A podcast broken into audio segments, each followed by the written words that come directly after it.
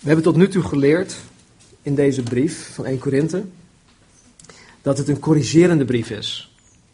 Het is een corrigerende brief waarin Paulus de problemen in die gemeente op een strenge en tegelijkertijd een liefdevolle manier aanpakt. En terecht mag Paulus van hun verwachten dat zij in hun denken en in hun gedrag gaan veranderen. Hij mag het van hun verwachten. Hij mag van hun verwachten dat zij zich gaan bekeren van hun denken en van hun gedrag. De Corinthiërs waren nog veel te werelds in hun denken, waardoor ze ontkracht waren in het christen zijn, in hun getuigen zijn. En niet alleen dat, ze waren door hun werelds denken ook niet in staat om Gods wil te kunnen onderscheiden. Om onderscheid te kunnen maken tussen hun eigen wil en Gods wil. In Romeinen 12:2 zegt Paulus: Word niet aan deze wereld gelijkvormig, maar word innerlijk veranderd door de vernieuwing van uw denken, door de vernieuwing van uw gezindheid, om te kunnen onderscheiden wat de wil van God is, namelijk de goede en welgevallige en volmaakte. Dus als je vanmorgen niet in staat bent om de wil van God te kunnen onderscheiden, als je geen onderscheid kan maken tussen je eigen wil en Gods wil, dan moet je gezindheid, dan moet je denken vernieuwd worden. En dat geldt trouwens voor ons allemaal.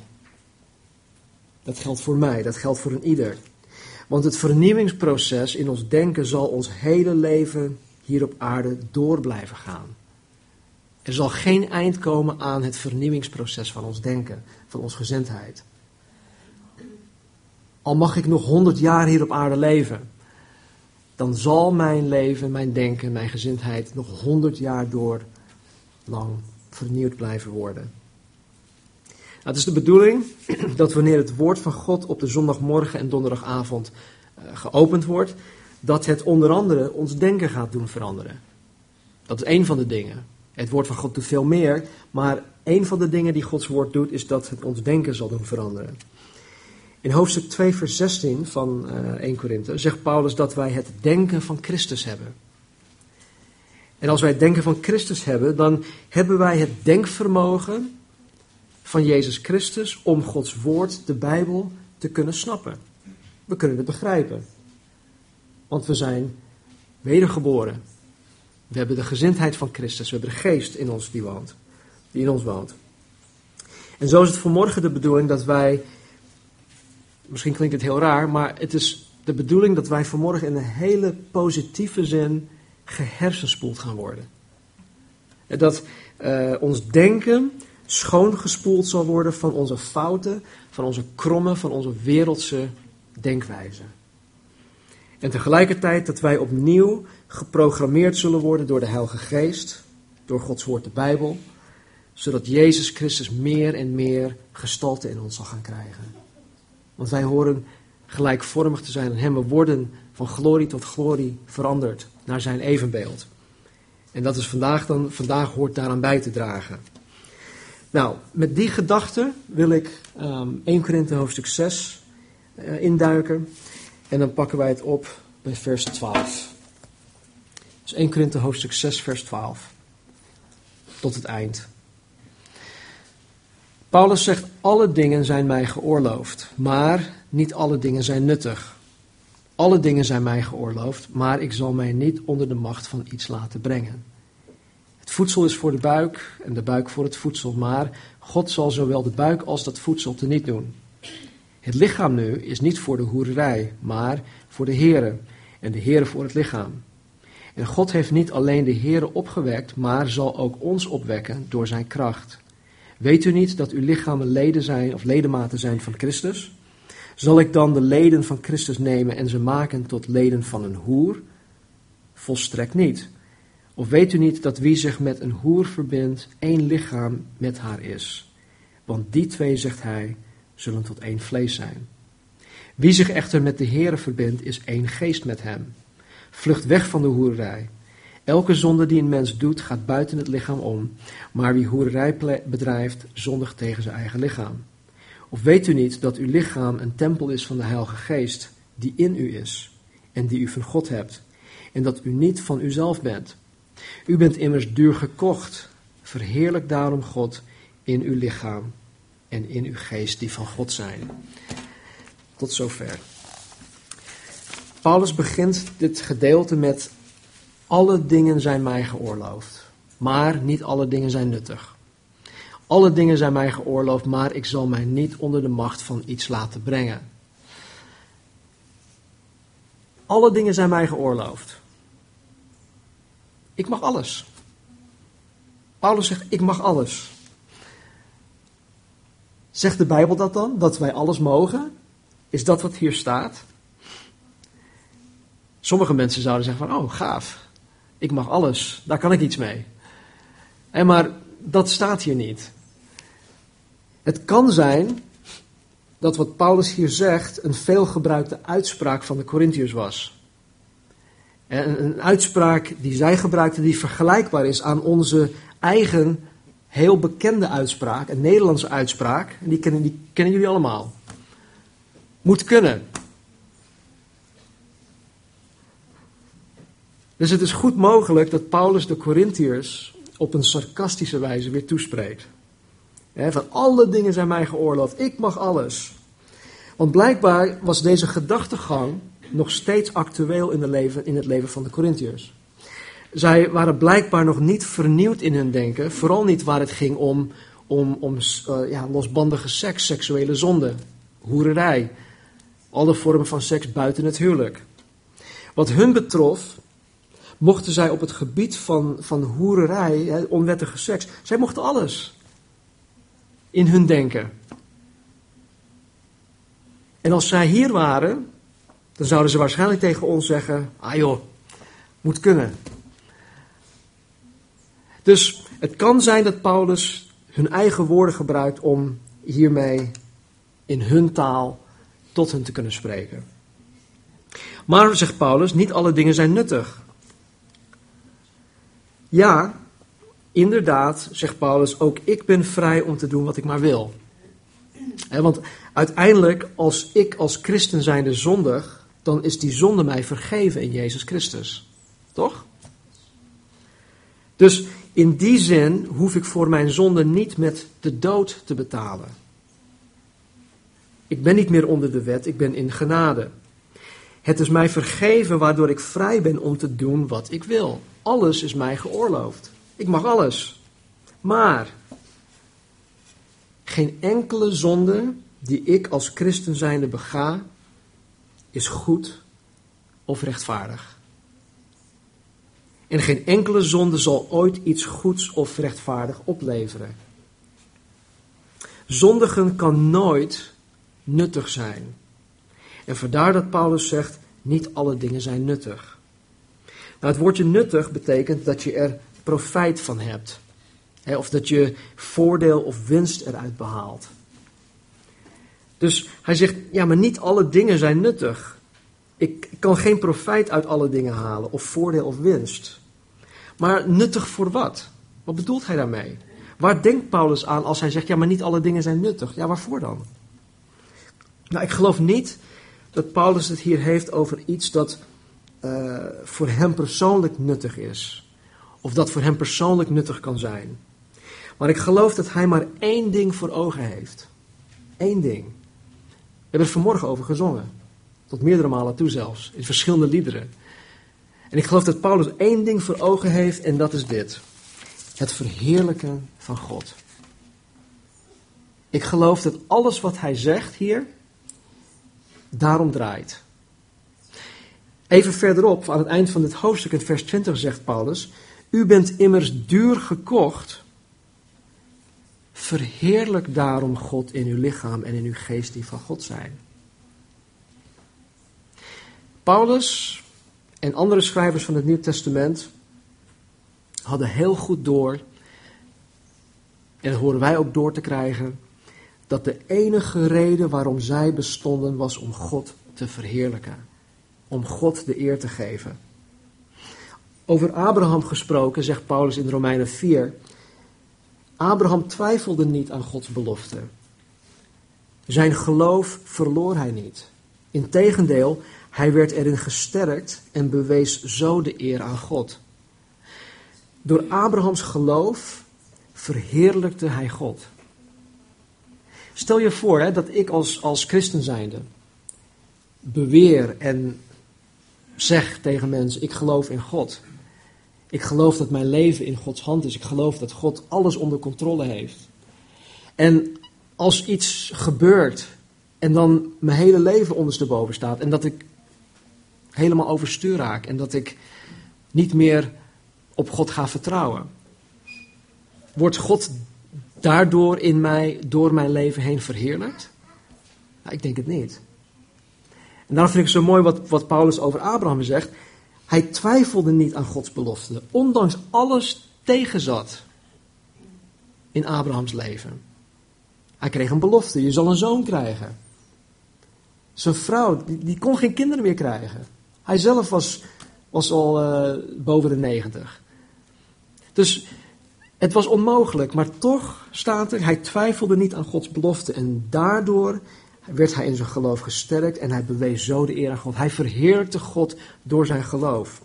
Even verder in Romeinen 11, vers 36 barst Paulus spontaan uit in lofprijs en hij zegt: Want alles komt van God, alles bestaat door God en alles eindigt in God. Hem zij de heerlijkheid tot in eeuwigheid. Amen. Hem zij de heerlijkheid. In Galaten 1, vers 5, begin van zijn brief, zegt hij: Hem zij de heerlijkheid in alle eeuwigheid. Amen. In Efeze 3, vers 20 en 21. Dit is een heel bekend vers. Hem, God, die nu, nu die machtig is te doen, ver boven alles wat wij bidden of denken, overeenkomstig de kracht die in ons werkt. En dan zegt hij, hem zij de heerlijkheid in de gemeente, door Christus Jezus, in alle geslachten tot in alle eeuwigheid. Amen. Tegen Timotheus, de jonge voorganger, zegt hij dit. De koning nu der eeuwen, de onvergankelijke, de niet zichtbare, de alleenwijze God, zij eer en heerlijkheid in alle eeuwigheid. Amen. Ook Petrus spreekt hierover. In 1 Petrus 4, 10 en 11. Hij zegt, laat ieder de anderen dienen met de genadegave zoals hij die ontvangen heeft. Dus ik hoor jullie te dienen, jullie horen elkaar en mij te dienen. Laat ieder de ander dienen met de genadegave zoals hij die ontvangen heeft. Als goede beheerders van de veelsoortige genade van God. Als iemand spreekt, dus zoals ik nu doe, spreek dan als iemand die woorden van God spreekt. Als iemand dient, laat hem dan dienen als iemand die dient uit de kracht die God hem geeft. Zodat God in allen verheerlijkt wordt door Jezus Christus. Hem komt de heerlijkheid en de kracht toe tot in alle eeuwigheid. Amen. In Openbaring 4. Johannes die wordt in de geest opgenomen tot de hemel en hij krijgt ja, een kijkje in de hemel. Hij mag zien wat daar gebeurt. En hij ziet dat God daar aanbeden wordt. Door engelen, door de ouderlingen, door hele rare wezens met ogen en vleugelen en dat soort dingen.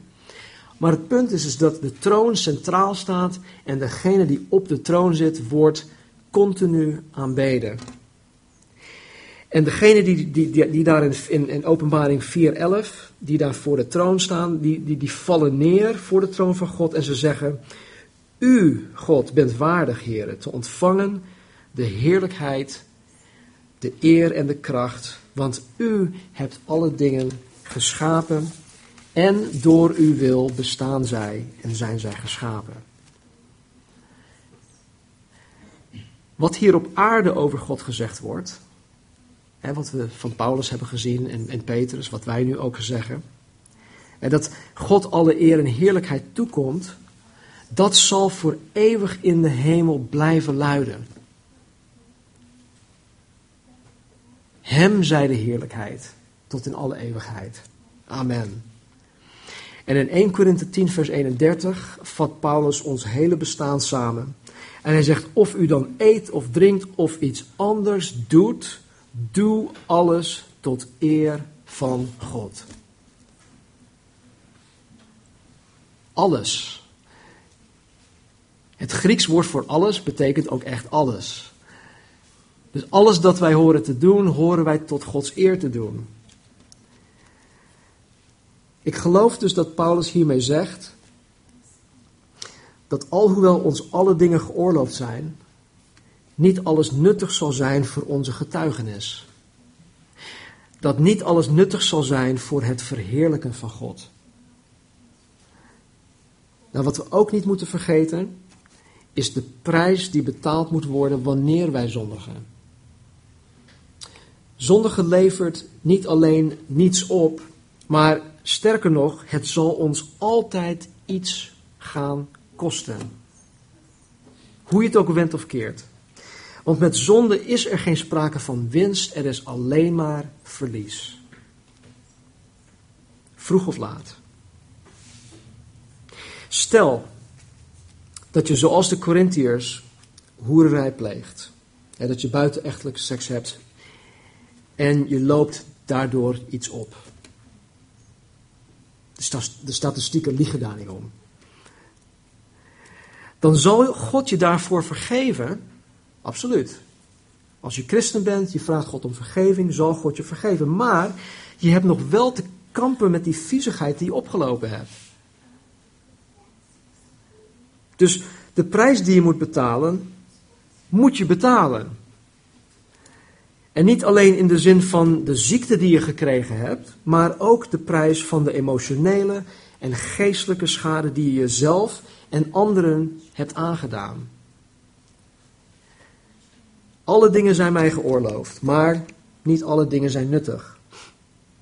Ik geloof ook dat wat Paulus hier zegt een goede basis is voor zaken waarin de Bijbel ons niet expliciet zegt dat wij bepaalde dingen niet moeten doen. Bijvoorbeeld, ik ken iemand van heel dichtbij die zijn hele leven lang gokt. Hij is tot geloof in Jezus gekomen, maar is nog steeds verslaafd aan gokken. Die persoon heeft tot vele malen toe aan verschillende voorgangers gevraagd of de Bijbel het gokken expliciet verbiedt. Hij formuleert de vraag op zo'n manier dat hij van de voorgangers het antwoord krijgt dat hij horen wil. Namelijk dat de Bijbel het gokken niet expliciet verbiedt. En dus gaat hij vrolijk verder. Hij gaat vrolijk verder met het bevredigen van zijn goksverslaving. Als hij mij die vraag zou stellen, dan zou ik absoluut geen ja of nee antwoord geven. Ik zou niet zeggen van nee, nee, je hebt helemaal gelijk, de Bijbel verbiedt het gokken niet. Dat staat er niet in. Wat ik zou doen, ik zou hem verwijzen naar bijbelse principes over rentmeesterschap. En het feit dat alles dat de christen bezit van God is. Het geld dus ook. geld die hij heeft is niet van hem, het is van God. Dus als het geld dat wij tot onze beschikking hebben Gods geld is, en dat wij rentmeester zijn van Gods geld, dan is het niet aan ons om Gods geld te vergokken. Dat is één. Ik zou hem verwijzen naar de schriftgedeelte waarin God ons leert dat Hij ons in alle noden zal voorzien. Dus als je Gods geld vergokt, dan noem je als het ware God een leugenaar. Want je gelooft niet dat God in al je noden zal voorzien.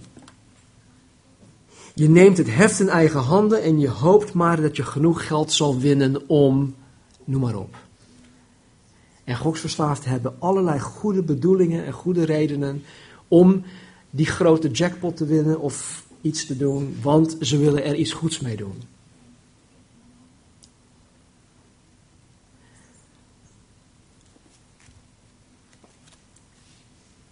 Ik zou ook dit schriftgedeelte met hem delen. Alle dingen zijn mij geoorloofd, maar niet alle dingen zijn nuttig. Ja, er staat nergens in de Bijbel, gij zult niet gokken. Dat staat er niet. Maar is het nuttig? Wordt God, wordt Jezus Christus verheerlijkt door je goksverslaving? Of gokverslaving? En dan geef je niet toe dat je verslaafd bent, zal die ene keer dat je naar de goktafel toe gaat jouw getuigenis bevorderen? Zal het bijdragen aan het getuigen zijn van Jezus Christus?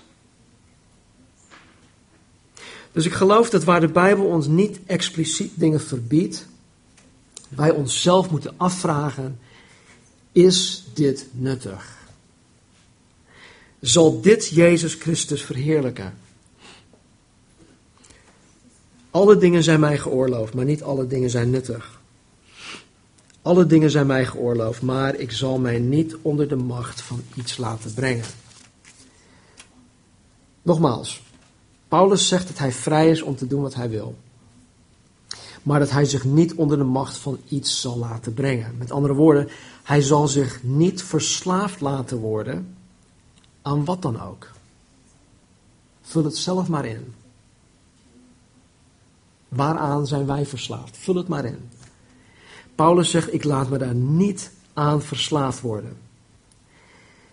Nou, in dit schriftgedeelte van 1 Korinthe 6, 12 tot 20 behandelt Paulus uh, het probleem van, van hoererij, onwettige seks onder de Corinthiërs. En in het bijzonder het gebruik maken van prostituees. Dit probleem is ook ons probleem. Ik zeg niet dat wij naar de hoeren toe gaan, maar ik durf te zeggen dat het probleem van seksverslaving ons niet vreemd is. Nou, ik ga daar vanmorgen niet op in. Maar ik zal, ik zal dit onderwerp aanstaande donderdag grondig behandelen wanneer we de rest van het hoofdsucces met elkaar door gaan nemen. Het is een heel belangrijk deel. En vaak horen wij, uh, of vooral de jongeren, die, die krijgen te horen van de ouderen, of van de kerk zeg maar. Je mag geen seks hebben voor het huwelijk. En dan stelt de jongere de vraag uit onwetendheid: ja, maar waarom dan niet? Ja, omdat het in de Bijbel staat. Ja, leg uit. Ja, omdat ze krijgen daar geen duidelijk antwoord op. Maar toch geeft de Bijbel ons daar duidelijk antwoord op. Dus aanstaande donderdag wil ik daar gewoon uh, grondig uh, naar kijken. En uh, kijken wat, wat, wat de Bijbel daar ons over te vertellen heeft. Nou, alle dingen zijn mij geoorloofd, maar ik zal mij niet onder de macht van iets laten brengen. Paulus wist als geen ander dat de mens vatbaar is voor verslaving en hoe verslaving in elkaar zit. Hij zegt in Romeinen 6, vers 16: Als u bij iemand als slaaf in dienst komt, moet u doen wat hij zegt. Hij is de baas over u. Als u bij iemand als slaaf in dienst komt, moet u doen wat hij zegt. Hij is de baas over u. Om even een voorbeeld te noemen. Als ik mezelf verslaafd laat worden aan bijvoorbeeld pornografie, dan zal pornografie mij de baas worden. Pornografie zal mij de baas zijn. Ik zal er alles aan doen om die baas te behagen. Als pornografie, als baas, zegt tot mij dat ik stiekem naar plaatjes of filmpjes moet kijken op internet of dvd's of whatever. Wat ga ik doen? Dan ga ik stiekem doen. Als pornografie als baas zegt dat ik moet liegen over mijn bezigheden, dan ga ik liegen. Als pornografie zegt dat ik daar een geld uit moet geven, Gods geld, dan ga ik daar geld aan uitgeven. Als pornografie zegt dat alle vrouwen van losbandige seks houden, dan ga ik dat geloven en dan zal ik met hele andere ogen naar vrouwen gaan kijken. Het zal mij de baas worden. Als u bij iemand als slaaf in dienst komt, moet u doen wat hij zegt. Hij is de baas over u. Daarom heet het verslaving. En daarom zegt Paulus: Alle dingen zijn mij geoorloofd, maar ik zal mij niet onder de macht van iets laten brengen. Nou, misschien kan je zeggen van, ja, ja oké, maar goed, dat was de apostel Paulus. Hallo. Hij is persoonlijk door God, door Jezus Christus uitverkoren op de weg naar Damascus. Hij is bij de kraag gegrepen. Het is de apostel Paulus. Natuurlijk kan hij dat. Wie ben ik? Natuurlijk kan Paulus zeggen: Ik zal mij niet onder de macht van iets laten brengen. Weet je, dezelfde Heilige Geest die in Paulus woont, woonde, woont ook in mij. Woont ook in ons. En Paulus deed dat niet moeiteloos. Hij zei niet maar zomaar van, joh, ik, ja, nou, ik laat me niet onder de macht van iets laten, van, van iets laten brengen hoor, dat doe ik niet. Nee, hij moest daarvoor knokken. Het was voor hem een gevecht. Hij deed daar iets aan. En hij deed het niet moeiteloos. Hij hield zijn lichaam en hij hield zijn lichamelijke drangen in bedwang. Even verder in 1 Korinthe, hoofdstuk 9, vers 27, zegt Paulus dit. Nee, ik hart mijn lichaam en dwing het te doen wat ik wil. In het Engels staat er, I buffet my body, of I beat my body. dus met, vuistslagen, zegt hij, als het ware, sla ik mezelf om mezelf, mijn eigen lichaam en mijn drangen in bedwang te houden. Anders zou het wel eens kunnen gebeuren dat ik, na anderen voor de wedstrijd te hebben opgeroepen, zelf word gedisqualificeerd. Dus hij zegt: Oké, ik weet hoe zwak mijn vlees is. Ik weet dat ik vatbaar ben voor verslaving. Dus ik doe er alles aan om mezelf in bedwang te houden. Om maar een voorbeeld te noemen. In, in Spreuken 5 staat er heel veel over seks met de, de, de um, overspelige vrouw en dat soort dingen. En dan geeft de schrijver iets heel eenvoudigs aan van, als je dat wil vermijden, moet je dus niet daar naartoe gaan. Als je weet, hé, hey, ze woont op de Fanny Blankers Koenlaan 200, dan moet je niet naar Fanny Blankers Koenlaan 200 gaan. En Paulus zegt eigenlijk, ik ik doe er alles aan om dat soort dingen te vermijden. Kijk naar al de brieven die hij heeft geschreven. Kijk naar alle, alle, de, de ministry, de bediening die hij heeft uitgevoerd. Alle kerken die hij heeft gesticht. Hij roept mensen op om heilig te leven, om God te verheerlijken. Als hij zichzelf niet in bedwang zou kunnen houden, dan zou hij zichzelf disqualificeren voor het koninkrijk. Voor de wedloop om God te verheerlijken, want hij zou zelf God niet meer kunnen verheerlijken.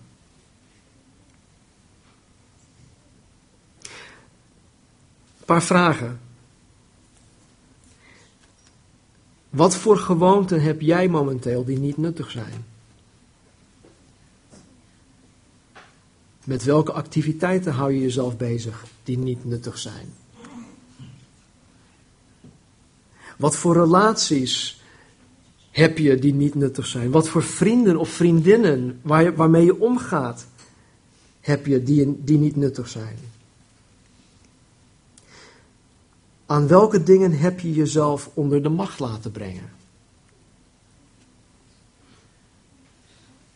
Aan welke dingen heb je jezelf verslaafd laten worden?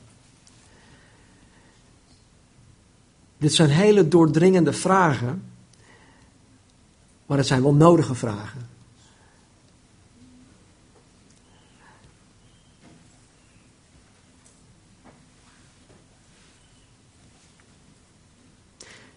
Zoals Paulus van de Corinthiërs kon verwachten dat de Corinthiërs zich zouden doen veranderen in hun denken, in hun gedrag, hè, dat zij zich zouden gaan bekeren. Verwacht God van ons vanmorgen ook dat wij ons bekeren. En ik weet niet waar jullie mee zitten, of je überhaupt met, met verslaving of onnuttige dingen bezig zijn. Ik weet het echt niet. Maar God weet het. En jullie weten het.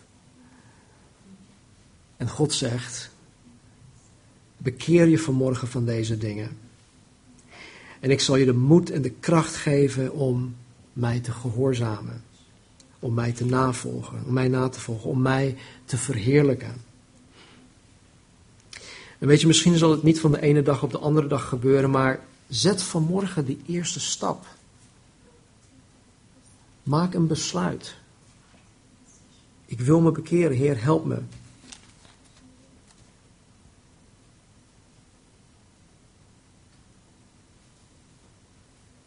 Laten bidden. Vader, ik dank u, Heer, voor wie u bent. Vader, voor uw woord. Heer, het is een hartsverlangen, Vader, om u te verheerlijken. Heer, ik geloof dat, ook, dat het ook een ieder van ons verlangen is, Heer, om u te verheerlijken. En Heer, zoals Paulus zegt, alles is mij geoorloofd. Alle dingen, maar niet alle dingen zijn nuttig. Alle dingen zijn mij geoorloofd, maar ik zal me niet onder de macht van iets laten brengen. Vader, help ons om ook met die vastberadenheid, Heer, vrij te komen. Los te komen, Heer, van de dingen die ons, die ons in, in, ja, in verslaving houden.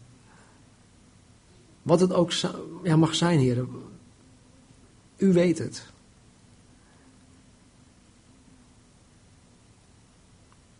Help ons, Heer. Help ons. Vergeef ons, Heer, waar we gefaald hebben, waarin we tekort komen. Genees, herstel. En Heer, alle dingen die in ons leven die momenteel niet nuttig zijn om U te verheerlijken, om getuige te zijn van Jezus Christus. Heer, breng die dingen onder ons gedachten. Laat ons meer en meer deze dingen zien. Heer, zodat we veranderd kunnen worden. Van glorie tot glorie. Naar het evenbeeld van uw zoon. Heer, we willen zijn zoals Jezus. Help ons, Heer, om, om te worden zoals U. Geef ons kracht, Heer. Geef ons genade. En geef ons, Heer, de zekerheid in ons hart dat U ons niet afwijst. En de les die we vorige week ook hadden geleerd, Heer. Toen Peter vroeg, hoe vaak zal ik mijn broeder vergeven? Zeven keer? Nee, zeventig maal zeven. Heren, dat is uw hart. Uw hart, heren, is om ons te vergeven. En positioneel, heren, heeft u ons al vergeven. In, van alle dingen. Van het verleden, in het heden, in de toekomst. Maar heren, we willen, we willen one mind zijn met u. We willen zelf inzien, heren, dat waar wij tekortschieten, waarin wij tekortkomen, waarin wij falen, heren, dat dat u niet behaagt. En waar wij u niet verheerlijken, Vader, dat we ons daarvan zullen gaan bekeren. Gun ons die bekering. Heer, omwille van uw naam, uw grote naam, Heer. In Jezus' naam. Amen.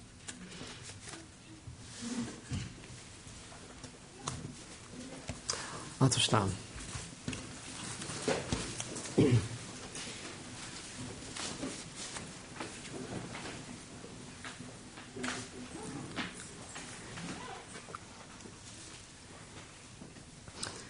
Alle dingen zijn mij geoorloofd. Weet je, in, in gesprekken met ongelovige mensen gebruik ik deze tekst. En het is meestal wanneer iemand zegt van ja, maar als je naar de kerk gaat, dan mag je dit niet, dan mag je dat niet. En dan ben je zo gebonden, het is allemaal zo beperkt en zo abollig en bla bla bla. Dan zeg ik tegen hun, weet je wat er in de Bijbel staat? Ik mag alles. Alles is mij geoorloofd. Alle dingen zijn mij geoorloofd. Ik mag alles. Maar ik wil niet alles. Jezus Christus heeft mijn hart veranderd van binnenin. En de dingen die ik vroeger deed, die wil ik niet meer doen. Het is niet omdat ik het niet mag, maar omdat ik het niet wil. Dat is een heel ander iets. Alles, alle dingen zijn mij geoorloofd, maar ik wil ze niet meer. Ik wil jullie een zegen toewensen uit Hebreeën hoofdstuk 13. De God van de vrede nu, die de grote herder van de schapen, onze Heer Jezus Christus, uit de doden heeft teruggebracht op grond van het bloed van het eeuwig verbond, mogen u toerusten tot alle goed werk om Zijn wil te doen en in u werken wat in Zijn ogen welgevallig is door Jezus Christus. Hem zij de heerlijkheid in alle eeuwigheid. Amen. Amen. Wees gezegend. Thank you.